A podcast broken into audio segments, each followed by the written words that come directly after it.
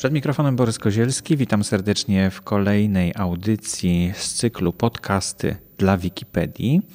Dzisiaj do mikrofonu zaprosiłem pana profesora Grzegorza Łukomskiego z Uniwersytetu Adama Mickiewicza w Poznaniu. I będziemy mm, dzisiaj, znaczy ja poproszę pana profesora, żeby nam opowiedział o kolejnym temacie związanym z Uniwersytetem Adama Mickiewicza w Poznaniu, czyli będzie to Tajny Uniwersytet Ziem Zachodnich.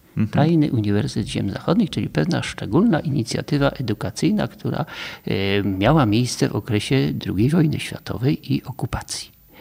Wówczas, kiedy wydawałoby się, e, takie rzeczy były niemożliwe, jak funkcjonowanie polskich szkół czy polskich uniwersytetów. I o tym chcielibyśmy, czy mam nadzieję, porozmawiamy sobie dzisiaj. Ale y, Wielkopolska jest znana z, y, z tego, że potrafiła świetnie konspirować. Tak, dokładnie. Tak, te konspiracje. Już, już, od czasów powstania styczniowego to Wielkopolanie byli spiritus movens w większości inicjatyw konspiracyjnych w okresie powstania, w okresie tworzenia państwa podziemnego, bo archetypem tego y, polskiego państwa podziemnego w okresie II wojny światowej było polskie państwo podziemne w okresie powstania styczniowego. Pamiętajmy o tym, że już wówczas powstawały struktury, które miały zastąpić oficjalnie funkcjonujące struktury mhm. państwa okupacyjnego. Mhm. Później powstanie wielkopolskie też było świetnie zakonspirowane. Jasne. I, I przygotowane. Nie wiem, czy to prawda, ale do dnia dzisiejszego nie można tych struktur konspiracyjnych odszyfrować. Mo, tak, tym bardziej, że część materiałów związanych z historią, dziejami powstania niestety zaginęła. E, wiele rzeczy poginęło i nie możemy, chociaż do, domyślamy się, prawda, domniemywamy, no to niestety trudno to udowodnić, a w nauce, jeżeli czegoś nie możemy udowodnić, no to możemy po prostu tylko na hipotezach mhm. i domysłach pozostać. I tak to właśnie wygląda. I, a zatem Czy, dobrze. Zacz... Czyli młode państwo, które y, no, zaledwie zdołało się odrodzić, y, popada znowu tak. w, no w niewolę. Cezurą jest tutaj wrzesień 1939 roku, y, no czyli moment, kiedy kampania wrześniowa dobiega końca, kampanię wrześniową przegraliśmy. No i rzecz jasna y, uległa zmianie cała jak gdyby struktura polskiego państwa. W tym sensie, że no, nawet najeźdźcy, wojska niemieckie i wojska sowieckie i politycy niemieccy i sowieccy ogłosili tezę, iż polskie państwo przestało istnieć. To była teza propagandowa, zupełnie nieprawdziwa. Tymczasem y, sytuacja wyglądała zupełnie inaczej. Wprawdzie jest rzeczywiście w sensie militarnym przegraliśmy kampanię wrześniową, przegraliśmy wojnę polską, jak się inaczej nazywa, ale państwo nie upadło. Kontynuację y, czy ciągłość państwa polskiego zapewniała nam bowiem konstytucja czyli akt najwyższy, najwyższy akt prawny, najwyższy akt prawny w państwie, mianowicie Konstytucja Kwietniowa, tak zwana, z 23 kwietnia 1935 roku. Rzeczywiście artykuł 24 tej konstytucji zakładał i zapewniał, że prezydent w sytuacji szczególnej może sam jednoosobowo wyznaczyć swojego następcę. Tym samym kontynuacja państwa została zachowana. To był jeden z walorów tej konstytucji, często zresztą mm, krytykowanej z różnych powodów, ale ona miała też właśnie swoje zalety. Jedną z tych zalet było to, że zachowaliśmy ciągłość państwa. Notabene współczesna konstytucja nasza tego nie zapewnia. W razie sytuacji tak ekstremalnej, no w sensie prawnym byłby problem ale to już zupełnie, e, zupełnie, inna, e, zupełnie inna historia. No, no i cóż, polskie państwo istniało nadal, tylko było to państwo emigracyjne, prawda? Powstał rząd Rzeczypospolitej na uchodźstwie, który rozpoczął swoją działalność już od 30 no, września 1939 roku. Premierem został wówczas generał Władysław Sikorski. I to jest ten pierwszy wątek, o którym chciałbym wspomnieć. 8 listopada tego roku powołano Komitet Ministrów do Spraw Kraju, na czele tego Komitetu Ministrów do Spraw Krajów stanął generał Kazimierz Sosnkowski. Chodziło o to, żeby zachować łączność e, z krajem, no i żeby nie pozostawić społeczeństwa bez opieki, bo społeczeństwo no, należało objąć jak gdyby strukturami e, państwowymi, w sensie bardzo dosłownym, czyli wszelkie obszary życia społecznego należało nadal objąć opieką państwa emigracyjnego. Prawda? Państwa emigracyjnego. Z drugiej strony pojawiły się podobne inicjatywy w kraju. Pierwsza to była ta inicjatywa militarna, która też miała związek z, i była kontynuacją działań zbrojnych. Mianowicie 27 września 1939 roku powstała Służba Zwycięstwu Polski pod dowództwem generała e, Michała Karaszewicza-Tokarzewskiego, a organizacja ta wkrótce przekształciła się w ZWZ, Związek Walki Zbrojnej, w listopadzie tego samego roku. Natomiast w lutym 1942 organizacja przekształciła się, 14 lutego dokładnie, y, organizacja przekształciła się w Armię Krajową. I to była formacja zbrojna, która y, no, w apogeum rozwoju organizacyjnego liczyła, jak niektórzy mm, sądzą, nawet 250 tysięcy żołnierzy. Oczywiście nie wszyscy byli uzbrojeni, jednakowo były różne inne problemy. Niektórzy mówią, że być może trochę mniej było tego wojska. Niemniej jednak była to największa organizacja zbrojna działająca w podziemiu w ówczesnej Europie. I to nie ulega wątpliwości, prawda? To było takie drugie ramię wojska polskiego, które tworzyło się, e, czyli reorganizowało, powstawało na nowo e, na zachodzie Europy, czyli polskie, e, polskie siły zbrojne. I to jest jedna część państwa, polskiego państwa podziemnego, które zaczęło się tworzyć, ale równocześnie właśnie w Poznaniu zaczęło się tworzyć polskie państwo podziemne, jego struktury cywilne. Inicjatorami struktur cywilnych polskiego państwa podziemnego, warto to podkreślić, byli Wielkopolanie. E, Wielkopolanie, wywodzący się politycznie z nurtu narodowo-demokratycznego, tego nurtu związanego z Romanem Dmowskim, a więc Stronnictwo Narodowe, nawet Obóz Wielkiej Polski i wszystkie te organizacje, które właściwie przed wojną były w opozycji do obozu rządzącego, czyli do obozu sanacyjnego. E, we wrześniu 1939 roku powstała nielegalna oczywiście, tajna organizacja pod nazwą Ojczyzna. Jej inicjatorem był ksiądz infułat Józef Prądzyński znany jeszcze e, z okresu powstania e, wielkopolskiego, był kapelanem powstania wielkopolskiego, wielce zasłużony społecznik i działacz, także działacz polityczny.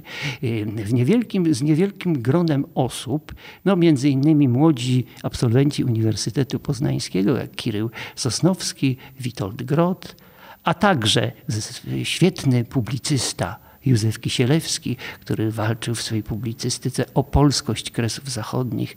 Napisał świetną pracę pod tytułem Ziemia gromadzi prochy, przetłumaczoną potem na język, e, na język niemiecki.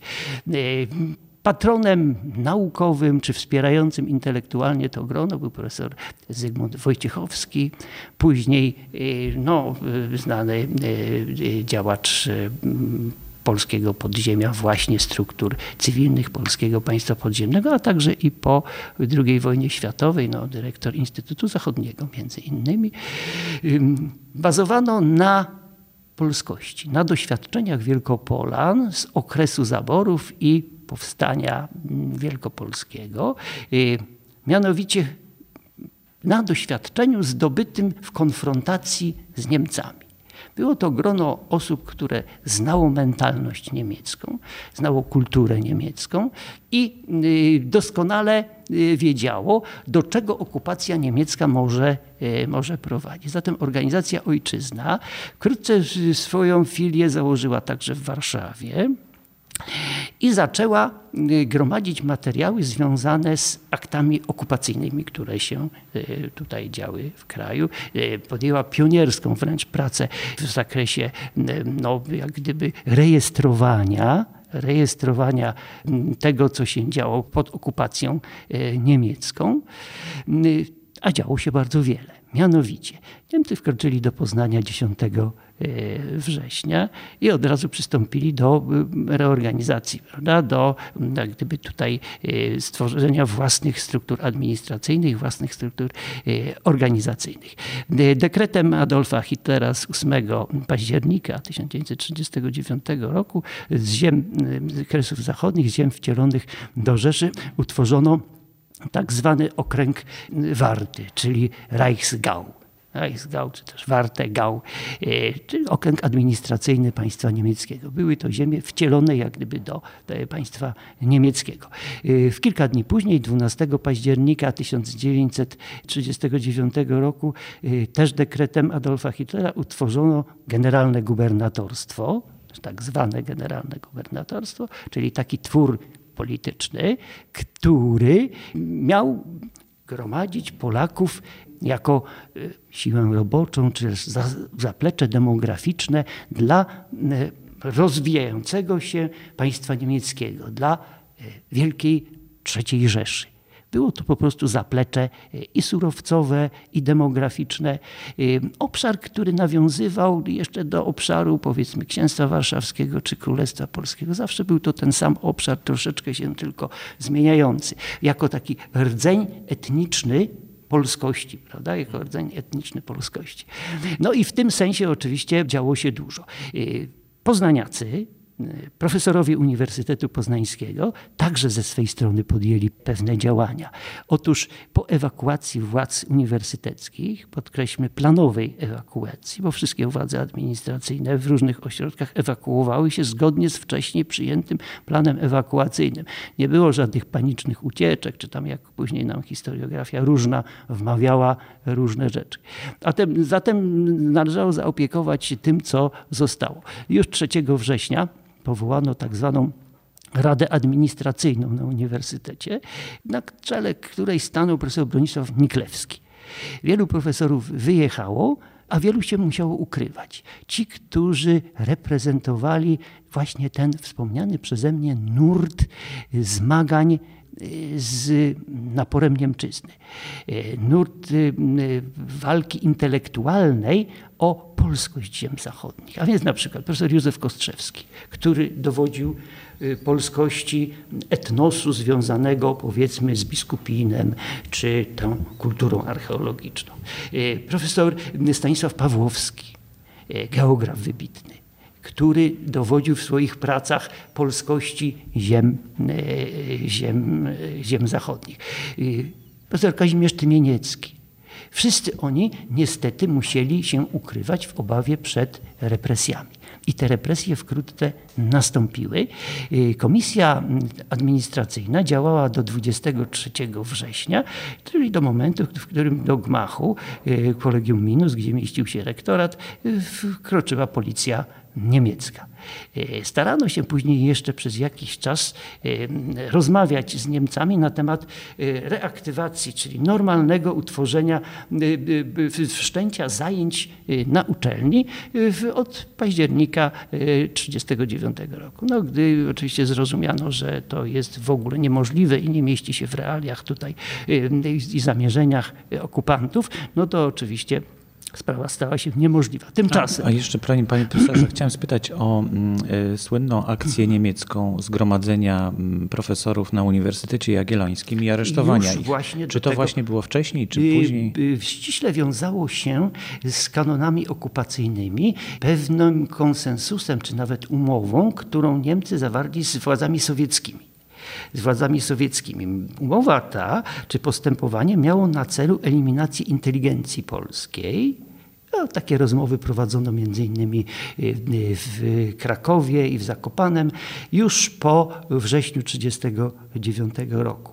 I otóż po stronie sowieckiej y, wyrazem realizacji tej umowy była sprawa, którą umownie nazywamy sprawą katyńską, czyli zbrodnicze mordowanie, prawda? Mordowanie polskich, polskiej inteligencji, polskich oficerów na kresach wschodnich Rzeczypospolitej. No, no mówi, to... mówi, się oficerów, ale tak naprawdę to była inteligencja polska, bo oni byli powołani do wojska. Chodziło o eliminację y, no, grup przywódczych narodu polskiego. Mówiono o inteligencji, na przykład o lekarzach, o nauczycielach, prawda? oficerach Wojska Polskiego i wszystkich tych, których zwykliśmy nazywać mianem inteligencji. Ci, którzy tworzą jak gdyby rdzeń intelektualny narodu, pielęgnują tożsamość narodową, kulturę narodową, tworzą nowe wartości kulturowe związane z rozwojem e, kultury narodowej, prawda, czy kultury e, w danym, w danym państwie.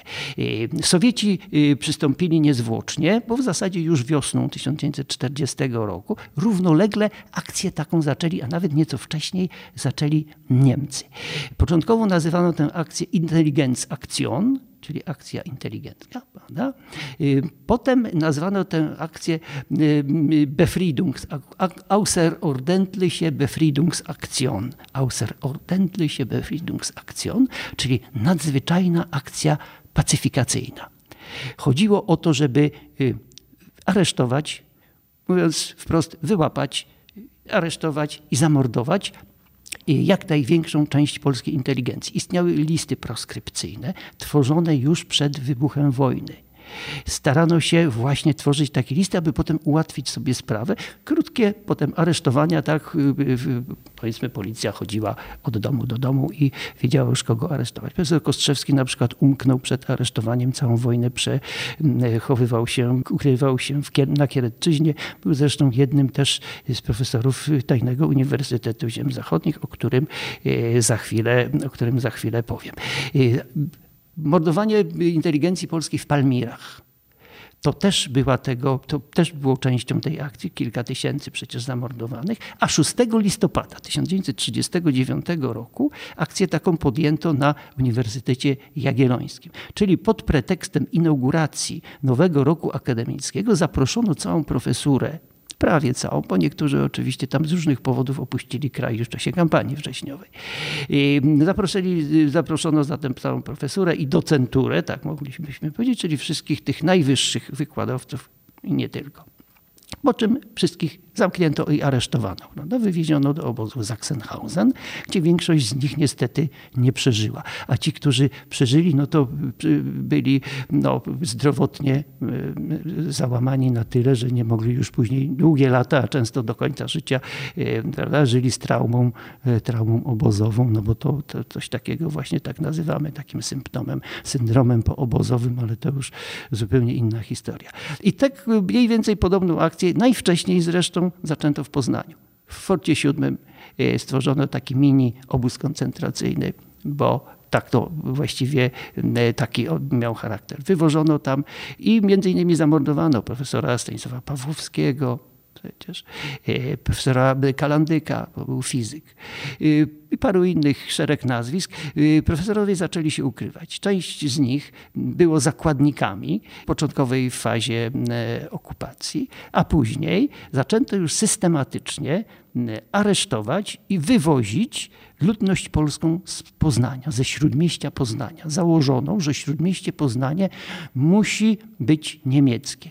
Zatem ludności polskiej, a w szczególności inteligencji, nie może tutaj być, nie może ona tutaj mieszkać. Utworzono specjalny obóz przejściowy, tak zwany Durchganglager, Poznań Główna, to jest nad brzegiem Warty, mniej więcej przy ulicy dzisiejszej ulicy Bałtyckiej. Tam były składy wojskowe polskie przed wojną, baraki takie i stworzono taki prowizoryczny zupełnie obóz przejściowy, skąd koleją wywożono do generalnego gubernatorstwa. Między innymi wywieziono profesora Michała Sobeskiego, jednego ze współtwórców i założycieli Uniwersytetu Poznańskiego. Później już ze względu na fatalne warunki egzystencji zmarł zresztą przedwcześnie, y, no, bo wywózki zaczęto zimą.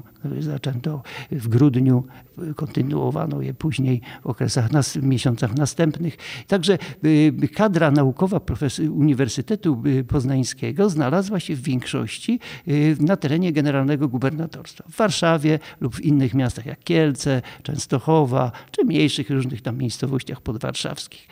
Tymczasem studenci przychodzili do niektórych profesorów już jesienią 1939 roku, no i starali się jakby uczestniczyć w seminariach, nawet domowych. Był taki zwyczaj jeszcze przed wojną, na przykład profesor Stanisław Kasznica, znany prawnik, którego syn potem został zamordowany przez komunistów, też Stanisław Junior, jako żołnierz Narodowych Sił Zbrojnych. To już też zupełnie inna historia i zupełnie inny wątek. Otóż profesor Kasznica przyjmował na przykład swoich seminarzystów y, w domu no, kawą i pączkami i przy, w takiej atmosferze łatwiej było zdobywać wiedzę. Nie był w tym zakresie wyjątkiem, bo takie panowały wówczas obyczaje. Więc y, ta nauka się tliła. Powiedzmy nawet od razu, że w związku z stuletnią działalnością Uniwersytetu Poznańskiego, współczesnego Uniwersytetu Adama Mickiewicza, możemy powiedzieć, że nasz uniwersytet działa nieprzerwanie przez 100 lat. Działalności swojej nie przerwał nawet w okresie okupacyjnym okresie okupacyjnym. I wróćmy teraz do wątku głównego, o którym już wspomniałem. Otóż organizacja Ojczyzna zaczęła tworzyć struktury cywilne polskiego państwa e, podziemnego. Ksiądz Józef Prądzyński stał się mężem zaufania rządu polskiego na emigracji, tego komitetu do spraw kraju, na którego czele stał generał Stanisław Sosnkowski. Połączenie między Poznaniem a Angers i Paryżem, gdzie mieścił się rząd polski, nawiązano przy pomocy kanałów kościelnych poprzez Rzym, etc. Utworzono nawet z czasem szlak kurierski, który doskonale łączył Poznań z Paryżem. To też jest rzecz mało znana. Ksiądz Sprądzyński został mężem zaufania rządu polskiego na emigracji. W jakim zakresie? Miał tworzyć struktury polskie, cywilne polskiego państwa podziemnego. Miał upoważnienie, aby powoływać głównych delegatów rządu w kraju. I otóż powołał już 3 maja powołał Adolfa Bnińskiego jako głównego delegata rządu na ziemię wcielone do Rzeszy. Adolf hrabia Bniński był znanym wybitnym wielkopolaninem, wielki, wieloletnim e, wojewodą e, poznańskim, znanym, zasłużonym, e, politycznie konserwatystą, zbliżonym do obozu narodowego, postać wybitna. On pozostał pierwszym delegatem rządu Rzeczypospolitej na kraj, obejmował wówczas swoją pracą tylko ziemie wcielone do Rzeszy, ale zorganizował też ekspozyturę w Warszawie zwane Biuro Zachodnie w Warszawie. Zorganizował struktury wewnętrzne jako pierwszy, tworzył departamenty, czyli odpowiednik ministerstw przedwojennych, na przykład Departament Sprawiedliwości, Departament Oświaty i Wychowania, etc. Prawda? Udrożnił też y, szlaki kurierskie łączące Wielkopolskę z rządem Rzeczypospolitej na uchodźstwie.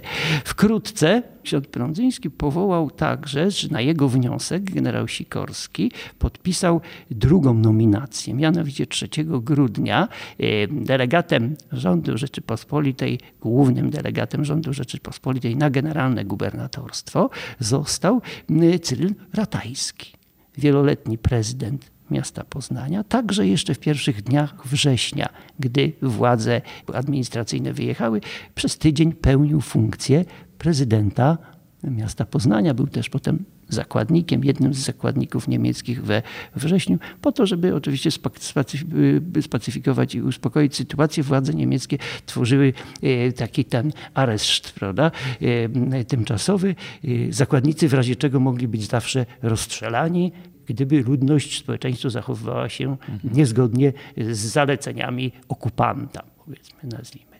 Y, potem został też wysiedlony przez obóz y, na głównej y, do generalnego gubernatorstwa, z czasem przybył do Warszawy, no i tam został głównym delegatem rządu na generalne gubernatorstwo. W międzyczasie, w połowie 1941 roku, w połowie 1941 roku aresztowano Adolfa Bnińskiego, Po roku go później zamordowano, zresztą w bardzo bestialski sposób i w okolicznościach no, kontrowersyjnych, nadzwyczaj kontrowersyjnych. Cyryl Ratajski przejął wówczas swoje obowiązki na obszar całego kraju, czyli stał się głównym delegatem rządu Rzeczypospolitej na kraj, mniej więcej od połowy 1941 roku.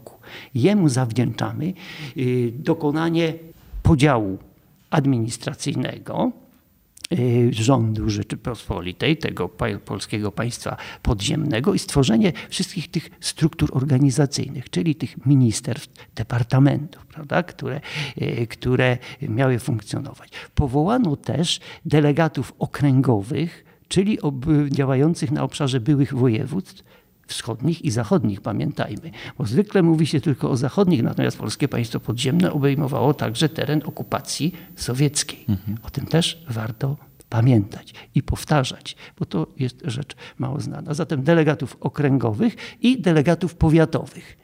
Analogicznie, jak robiono to w czasie powstania styczniowego. Też byli delegaci powiatowi. Prawda? No, ojciec Józefa Piłsudskiego był delegatem powiatowym w czasie mhm. powstania, e, powstania styczniowego. Podaję to oczywiście tytułem przykładu, bo wymaga, rzeczywiście można by osobny wykład poświęcić temu, tym wątkom.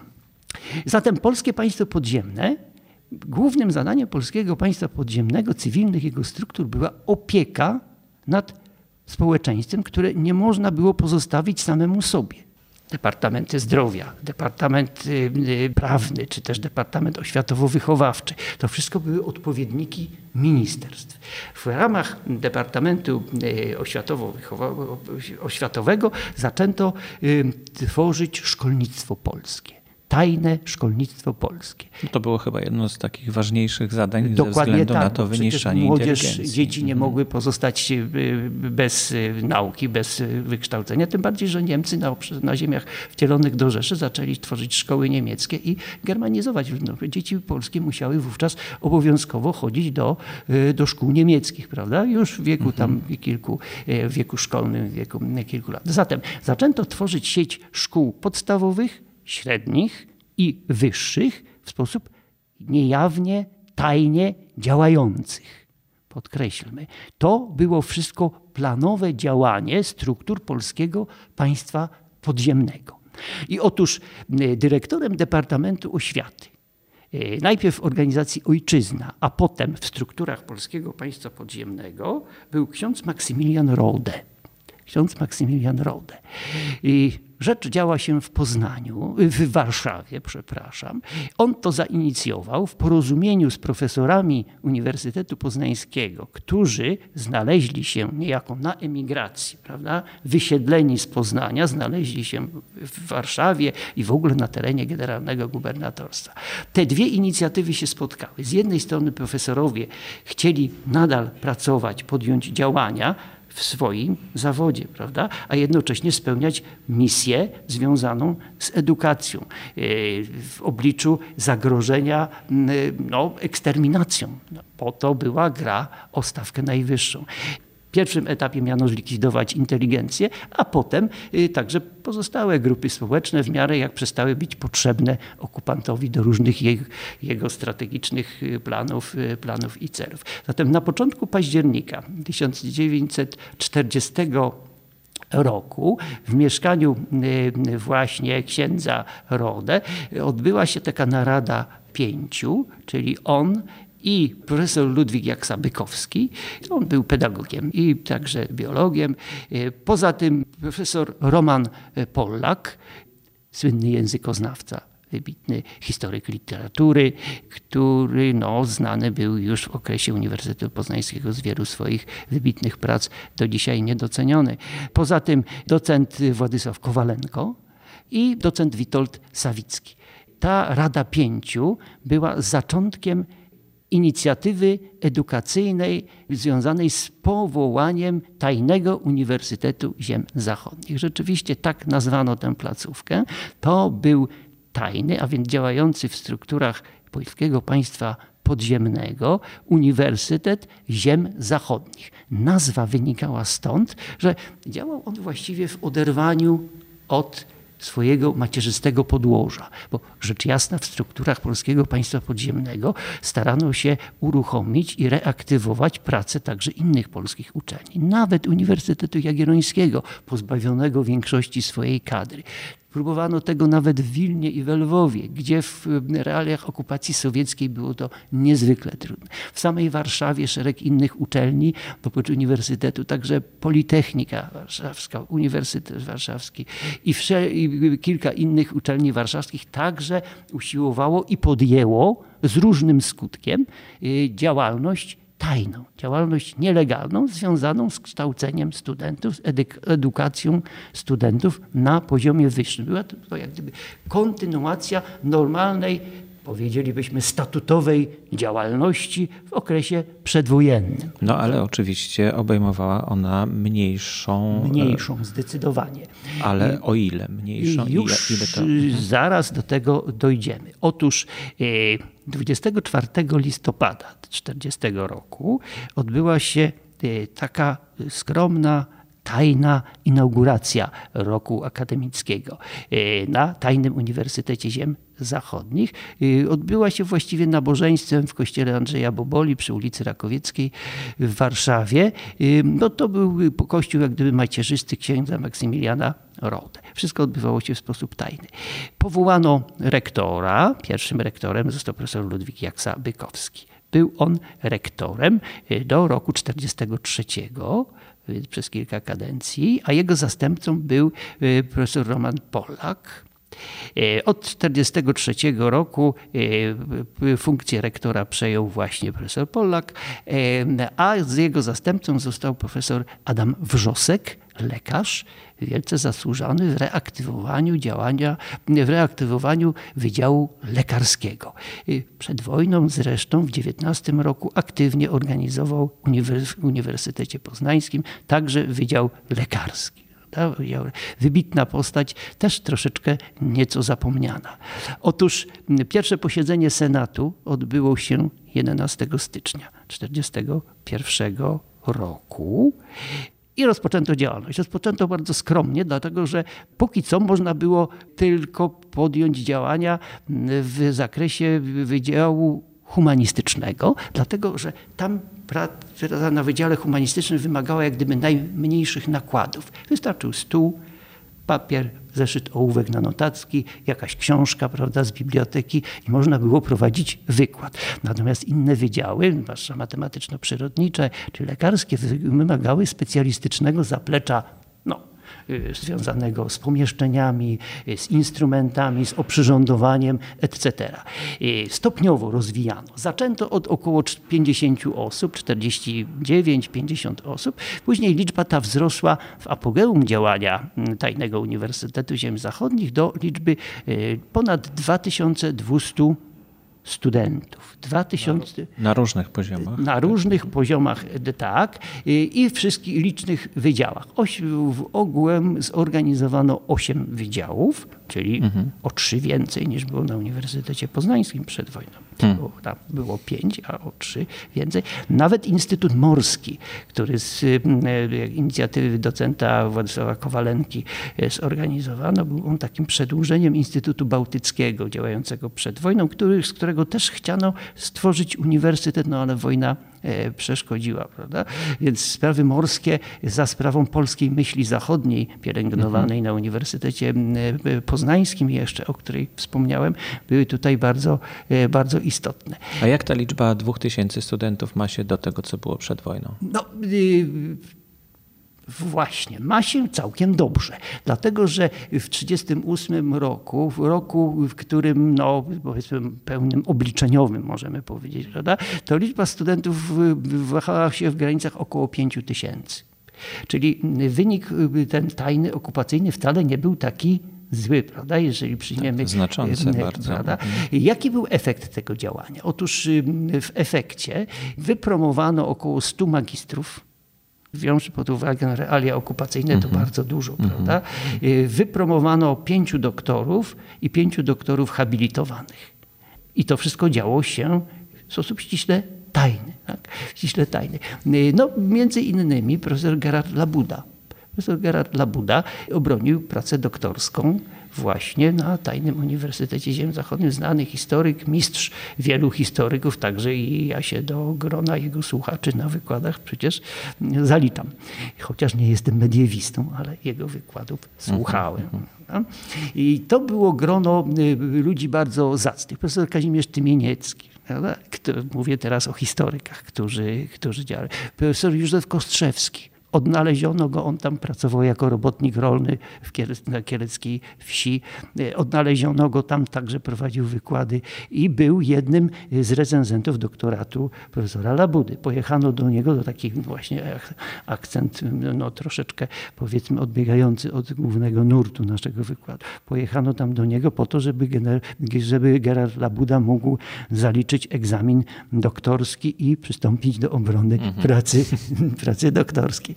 Sam o tym zresztą Gerard Labuda wspominał niejednokrotnie, o tych różnych wątkach, perypetiach związanych z okupacyjną działalnością, a była ona naprawdę pasjonująca.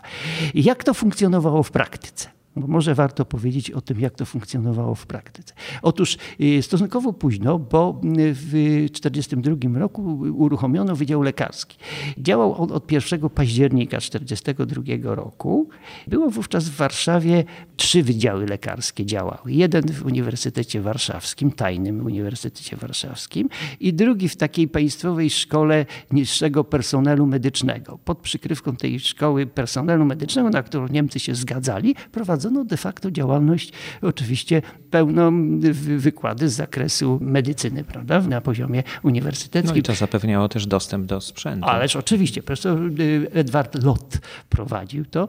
Wszystkie szpitale warszawskie zostały w to zaangażowane i pod przykrywką powiedzmy odbywania różnych tam praktyk niższego personelu medycznego, pod przykrywką pacjentów, pod różnymi innymi y, pretekstami, studenci uczęszczali na zajęcia praktyczne. Zajęcia odbywały się bez y, wakacji, w sposób ciągły. Prowadzono kilka kursów dla tych, którzy już zaczęli studia przed wojną i je kontynuowali, dla tych, którzy od początku po zdaniu matury prawda, podejmowali studia i dla tych, którzy jeszcze tam z jakichś innych powodów nie mogli y, studiów, y, studiów ukończyć. Samo przyjęcie na studia mm, też odbywało się w sposób tajny, to znaczy oprócz danej matury należało mieć rekomendację co najmniej dwóch mhm. osób z grona osób zaangażowanych, czyli z grona osób związanych z polskim państwem podziemnym. Studenci to byli młodzi ludzie, którzy częściowo w dużej mierze byli także zaangażowani w wojskowe struktury polskiego państwa podziemnego. No, w szarych szeregach, czy w strukturach AK, czy w różnych innych strukturach i oni niejako działali dwutorowo. Z jednej strony był żołnierzem, prawda, kobieta czy mężczyzna, młodzi ludzie, a z drugiej strony studentem Uniwersytetu, Tajnego Uniwersytetu Ziem Zachodnich, czy też Uniwersytetu Warszawskiego. Inauguracja Wydziału Lekarskiego odbyła się, jako rzekło się, 1 października 1942 roku w willi przy ulicy Madalińskiego 15 w Warszawie. To taka oddalona, otoczona parkanem z dala. E, profesor Roman Pollak był na tej inauguracji, profesor Wrzosek. E, studenci wchodzili tak jak e, no, filmie, na filmie akcji w odstępach 10-15 minutowych po to, żeby zachować reguły, mhm. oczywiście mhm. reguły okupacyjne.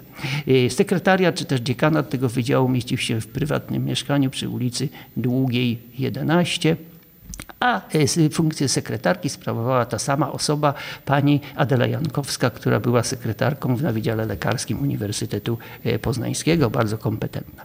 I otóż e, w praktyce wyglądało to tak, że ona, ale nie tylko ona, w dzień przed wykładem do danego profesora przynosiła kartkę z krótką notatką, ulica taka i taka, prawda, adres, godzina taka i taka, dzwonek do drzwi. Profesor odbierał bez słowa, nawet nie dziękując, osoba wychodziła, czytał, następnego dnia o 8.30, prawda, na ulicy tam takiej i takiej mam wykład. Nikt o nic nie pytał i to wszystko funkcjonowało. No to do dzisiaj podobnie się dzieje, prawda? Przychodzi profesor i dowiaduje się, w której sali ma wykład. Tak. Mówiąc żartem, rzeczywiście to nic się nie zmieniło w tym zakresie. Ależ trzeba przyznać, że zapał studentów do zdobywania wiedzy był ogromny. Nawet wówczas, kiedy profesor i rektor rektor Roman Polak w 1943 roku, w okresie największego nasilenia terroru okupacyjnego, gdzie łapanki na ulicach mnożyły się i masowe rozstrzeliwania, zbrodnie dokonywane w biały dzień na ulicy.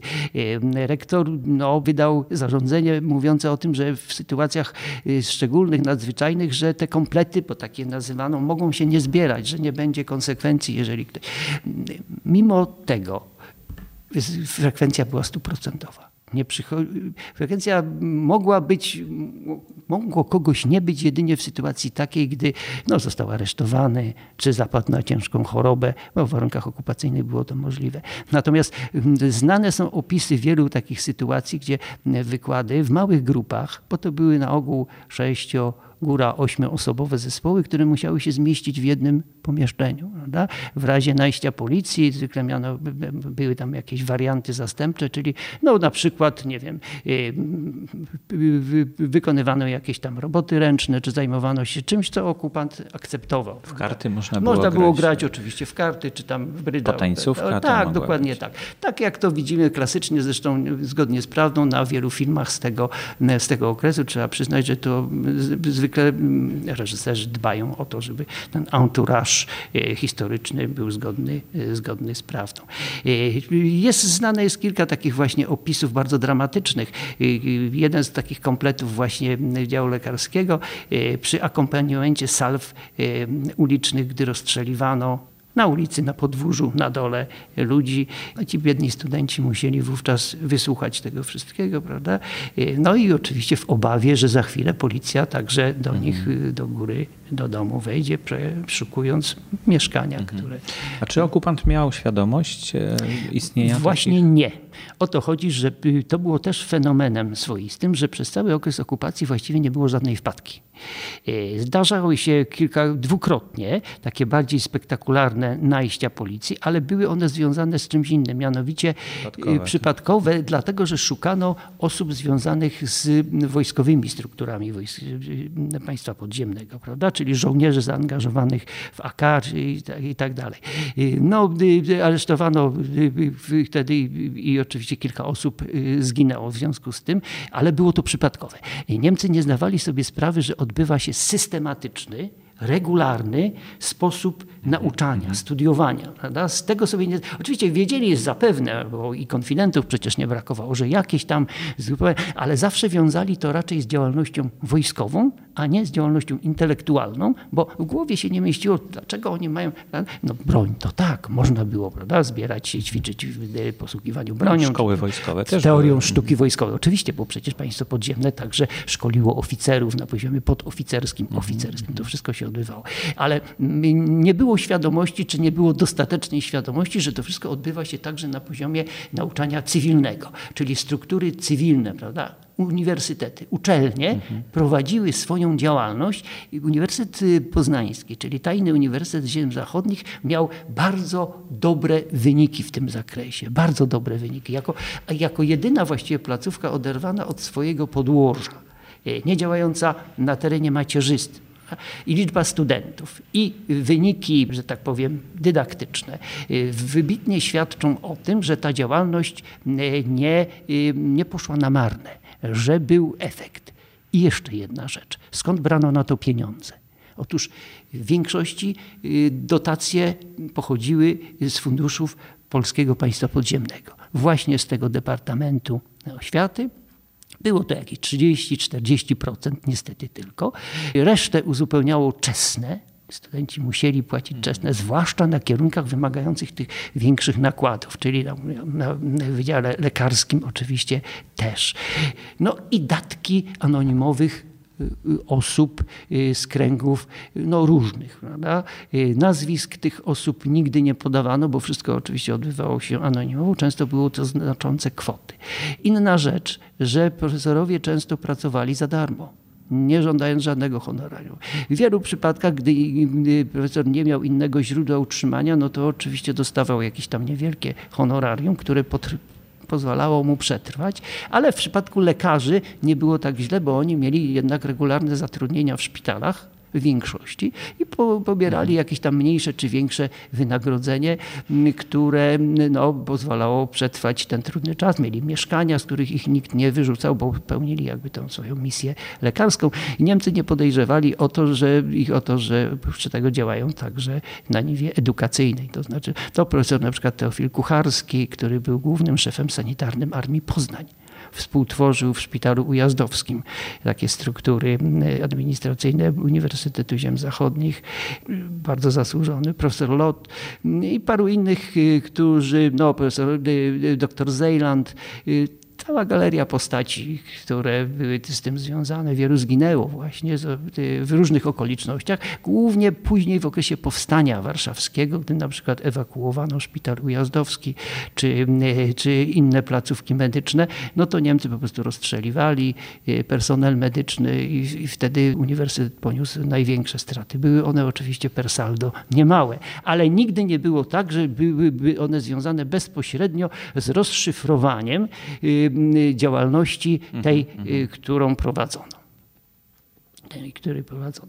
I y, podsumowując rzecz całą, rzecz, rzec by można, że była to bardzo unikatowa inicjatywa, nie tylko na skalę polską, na skalę europejską. Nie było porównywalnego precedensu i powiedzmy więcej, do dzisiaj nie ma porównywalnego precedensu, że można by tę inicjatywę z czymś porównać. Były to z jednej strony setki tysięcy żołnierzy, a z drugiej strony dziesiątki tysięcy osób zaangażowanych w struktury cywilne, wspierające y, działalność militarną, prawda? kształcące społeczeństwo po to, żeby społeczeństwo nie pozostało bez opieki w sytuacji, gdy rząd niestety działał na emigracji, bo inaczej mógł, nie mógł tego robić. Państwo polskie nie pozostawiło bez opieki swoich obywateli, tak jak głosiła propaganda Goebbelsowska czy propaganda sowiecka. Państwo polskie nie przestało istnieć. Państwo polskie działało. Było to polskie państwo podziemne,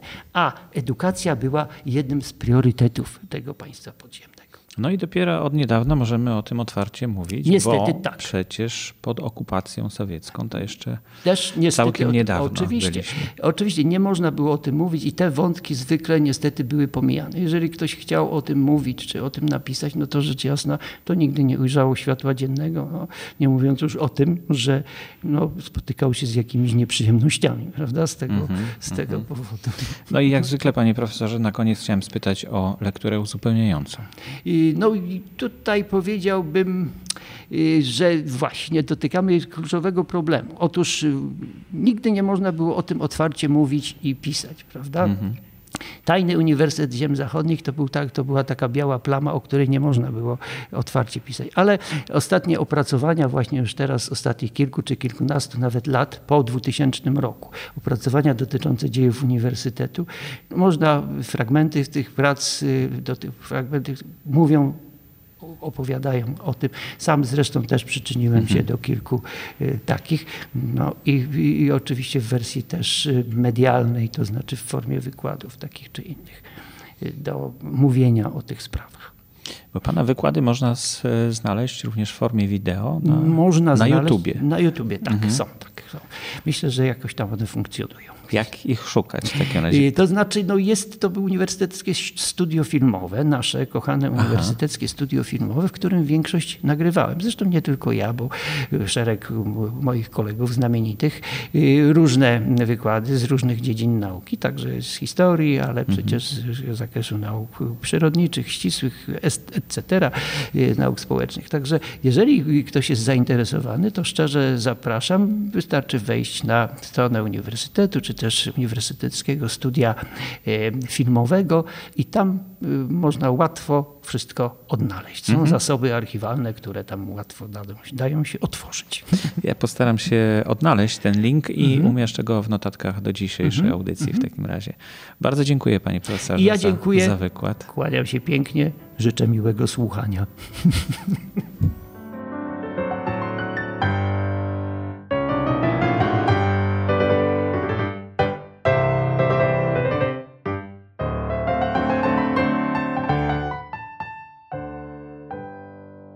Polskie uczelnie to seria podcastów dla Wikipedii.